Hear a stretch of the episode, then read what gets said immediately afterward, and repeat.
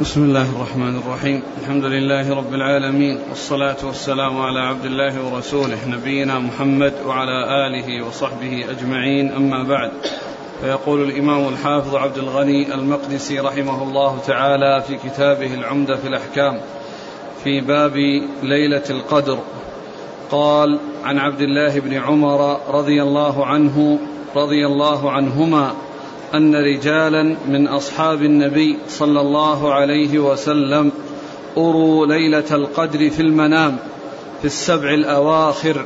فقال رسول الله صلى الله عليه وسلم أرى رؤياكم قد تواطأت في السبع الأواخر فمن كان متحريها فليتحرها في السبع الأواخر. بسم الله الرحمن الرحيم. الحمد لله رب العالمين وصلى الله وسلم وبارك على عبده ورسوله نبينا محمد وعلى آله وأصحابه أجمعين أما بعد. فيقول الإمام عبد الغني المقدسي رحمه الله في كتابه عمدة الأحكام باب ليلة القدر. ليلة القدر ليلة مباركة وهي من ليالي العشر الأواخر من رمضان. وقد جاء عن النبي عليه الصلاة والسلام ما يدل على فضل قيامها وجاء في القرآن الكريم ما يدل على فضلها. وقد أنزل الله عز وجل فيها سورة اسمها سورة القدر. قال الله عز وجل أنزلناه أي القرآن في ليلة القدر. وما أدراك ما ليلة القدر؟ ليلة القدر خير من ألف شهر. فبين الله عز وجل في كتابه العزيز عظيم شأن هذه الليلة. و وذلك وبين أنها خير من ألف شهر أي ما يعادل 83 سنة. لأن ألف شهر, ألف شهر تعادل 83 سنة. فهذا يدل على عظم شأنها. وكذلك كون القرآن أنزل فيها. وكونها كرر ونوه بشأنها حيث قال إنا أنزلناه في ليلة القدر وما أدرك ما ليلة القدر. ثم قال ليلة القدر خير من ألف شهر. فهذا من الله عز وجل في بيان عظيم شأن هذه السورة شأن هذه الليلة حيث أنزل فيها هذه السورة من سور القرآن الكريم.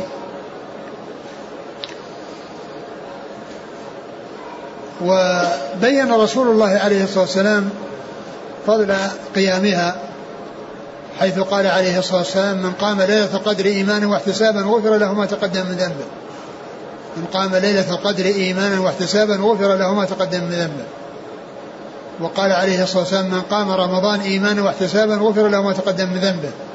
وهي من جملة رمضان فيكون نوه بها على سبيل الانفراد وهي داخلة مع غيرها في قيام رمضان لأنها من جملة ليالي رمضان بل من جملة ليالي العشر الأواخر من رمضان. ففي هذا بيان عظيم شأن قيام رمضان وقيام هذه الليلة. ثم إن هذه الليلة اختلفت فيها الأقوال في تحديدها وبيان وبيان موضعها وهي في العشر الأواخر. ولكن في أي ليلة؟ الصحيح أنها تتنقل وأنها لا تنحصر في ليلة معينة دائما وأبدا في جميع السنين. فقد تكون في سنة ليلة 29 وقد تكون في سنة ليلة 27 وقد تكون غير ذلك وقد حصل أنها حصل وقعت في زمن النبي عليه الصلاة والسلام في ليلة في سنة من السنوات ليلة 21 فجاء ما يدل على وقوعها في ليلة 21 وجاء ما يدل على التماسها في العشر الأواخر وجاء ما يدل على التماسها في السبع الأواخر. فيكون الأقرب والأولى والله أعلم. أنها متنقلة وأنها ليست ثابتة في ليلة معينة لا تتجاوزها ولا تتعداها في جميع السنين. فقد تكون في سنة في ليلة كذا وفي سنة ليلة كذا ولكن الإنسان إذا اجتهد في العشر الأواخر فإنه يحصلها إن شاء الله. فإذا اجتهد ولهذا أخفيت ولم يأتي تحديدها وتوضيحها بأدلة يعني واضحة يعني آه، لا لا يتجاوز لا تتجاوز بل أخفيت وذلك ليشتغل الناس في العشر الأواخر. رجاء أن يحصلوها وأن يوافقوها لأن شأنها عظيم وتعادل 83 سنة كما جاء في القرآن الكريم. فإذا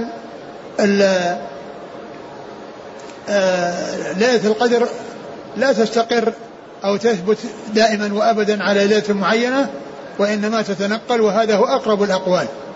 وهذا هو أقرب الأقوال وأوضحها في أنها تتنقل وليست ليلة ثابتة دائما وأبدا في جميع السنين. وليست لازمة وثابتة. ولكن الإنسان يحصلها بإذن الله إذا اجتهد في هذه العشر الأواخر. كل ليلة يرجو أن تكون ليلة القدر فإنه يكون بذلك أدركها.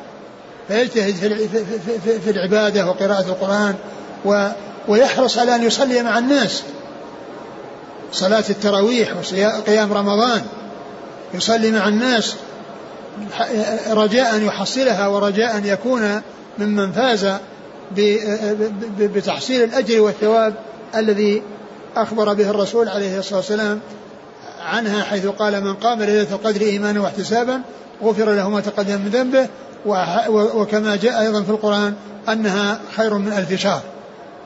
فيحرص الإنسان أن يصلي مع الناس ويصلي مع الإمام حتى ينصرف ولا ينصرف قبل انصراف الإمام سواء صلى 11 ركعة أو 13 ركعة أو 23 أو 35 أو أقل أو أكثر لأن النبي عليه الصلاة والسلام قال من قام رمضان وقال لما صلى في ليلة من الليالي بأصحابه وفرغ من الصلاة قالوا لو نفلتنا بقية ليلتنا يعني لو أنك واصلت الصلاة بنا حتى يأتي آخر الليل وحتى تنتهي الليلة. لو نفلتنا بقية ليلتنا هذه قال عليه الصلاة والسلام من قام مع الإمام حتى ينصرف كتب الله له قيام ليلة. وانصراف الإمام يكون بفراغه من الصلاة وانتهاء الصلاة. فيصلي مع الناس في أول الليل وفي آخر الليل في, في العشر الأواخر. كل هذا من قيام رمضان. والرسول عليه الصلاة والسلام كان يخص العشر الأواخر بمزيد من العناية والاهتمام في العشر الأواخر. فالإنسان يحرص على أن يصلي مع الناس وأن لا يفوت على نفسه ذلك الخير بأن يصلي بعض بعض بعض الصلوات ثم يترك وربما يجلس في المسجد يتحدث والناس يصلون. وهذا من كيد الشيطان للإنسان. كون الناس يصلون. والصلاة لا سيما في هذا المسجد بألف صلاة. ثم بعض الناس يجلس يتحدث. والناس يصلون. هذا من الحرمان. إذا كان يعني ليس المصلي مع الناس يخرج. ما يجلس المسجد يتحدث والناس يصلون. فيكون الناس في خير وهو قد يكون يتكلم في شر قد يتكلم في غيبة ونميمة وما إلى ذلك فيحصل إثما ويترك الناس الذين يصلون هذه الصلوات التي فيها الأجر وفيها الثواب. والرسول عليه الصلاة والسلام ما كان يزيد في رمضان ولا غيره على 11 ركعة في الغالب وقد وأحيانا يصير 13 وأقل شيء فعله سبع. فما كان يزيد عن 13 ولا ينقص عن سبع. والغالب أنه 11 ولكنه ما منع الزيادة على ذلك. لأنه عليه الصلاة والسلام قال صلاة الليل مثنى مثنى. فإذا خشي أحدكم الصبح أتى بركعة توتر ما مضى. أتى بركعة توتر ما مضى. فالمسلم يجتهد ويحرص يعني في العشر الأواخر يعني على الصلاة مع الناس وعلى الاشتغال بقراءة القرآن وسائر الطاعات رجاء أن يحصل هذا الأجر العظيم وهذا الثواب الجزيل الذي الذي أخبر به الرسول عليه الصلاة والسلام في قوله من صام من قام رمضان إيمانا واحتسابا غفر له ما تقدم من ذنبه ومن قام ليله القدر إيمانا واحتسابا غفر له ما تقدم من ذنبه. ثم إن المصنف رحمه الله ذكر هذا الحديث. عن ابن عمر رضي الله تعالى عنهما أن جماعة من أصحاب الرسول صلى الله عليه وسلم أروا ليلة القدر في المنام في السبع الأواخر. فقال أرى رؤياكم قد تواطأت يعني توافقت. فالتمسوها في العشر الأواخر. من كان متحريها فليتحرها في العشر الأواخر في السبع الأواخر. وجاء ما يدل على تحريها في العشر الأواخر. وكما قلت جاء أنها وقعت في ليلة واحد وعشرين كما جاء في بعض الأحاديث عن رسول الله صلى الله عليه وسلم. فيجتهد الإنسان في العشر يجتهد الإنسان في العشر كلها وإذا اجتهد في ذلك واشتغل بالعبادة فإنه بإذن الله يعني يحصلها ويرجى أن يكون ممن ظفر بالثواب الجزيل والأجر العظيم. الذي أخبر به الرسول الكريم صلوات الله وسلامه وبركاته عليه. فبعض أصحاب الرسول صلى الله عليه وسلم رأوا يعني ليلة القدر في ليلة في ليلة من في سنة من السنوات.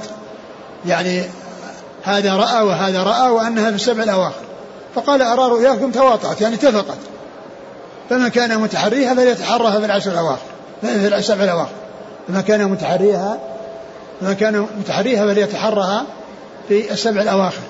فهذا يدلنا على أنها تتحرى في السبع الأواخر وأن وجاء ما يدل على تتحرى في العشر الأواخر وكان عليه الصلاة والسلام يعتكف في العشر الوسط يعني يتحرى ليلة القدر ثم لما علم بأنها في العشر الأواخر كان يعتكف في العشر الأواخر عليه الصلاة والسلام. ف الحديث دال على يعني على أن هؤلاء من أصحاب الرسول صلى الله عليه وسلم الذين رأوا ليلة القدر أو أروها أنها في العشر في العشر الأواخر وكان في سنة من السنوات قال التمسوها في السبع الأواخر. يعني أنهم أروها في تلك السنة. وأخبر الرسول عليه الصلاة والسلام بما رأوا وأنا في السبع الأواخر فقال التمسوها في السبع الأواخر.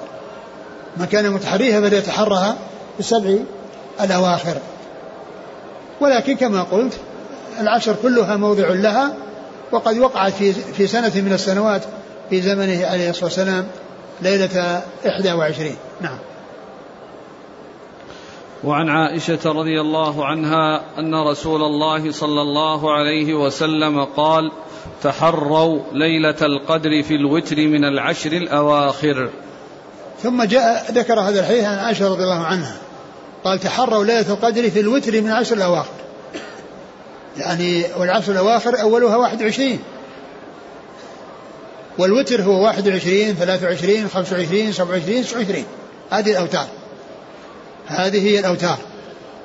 قال تحروا ليلة القدر في الوتر من العشر الأواخر. فهذا فيه ما في الذي قبله من أنها تحرى في العشر في السبع الأواخر ولكنها مطلقة هناك. ما ذكر وتر تحروها في السبع الأواخر.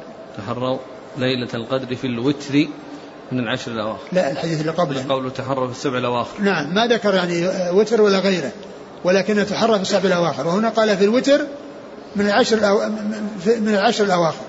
وهذا يدلنا على أن الأوتار يعني أنها آكد من الأشفاع لأن النبي صلى الله عليه وسلم أرشد إليها. والعشر الأواخر الأوتار فيها تبدأ 21 ثم 23 ثم 25 ثم 27 ثم 29 هذه الأوتار. فهذا يدل على أن النبي عليه الصلاة والسلام أرشد إلى تحريها يعني في آه يعني في آه، يعني هذه الأوتار وأنها تكون في العشر الأواخر. ولكن الإنسان يجتهد في الأوتار والأشفاع. لا يقتصر على الأوتار ويترك الأشفاع ولكنه يجتهد في الأوتار والأشفاع رجاء أن يحصل هذه الليلة ورجاء أن يحصل الأجر والثواب من الله عز وجل.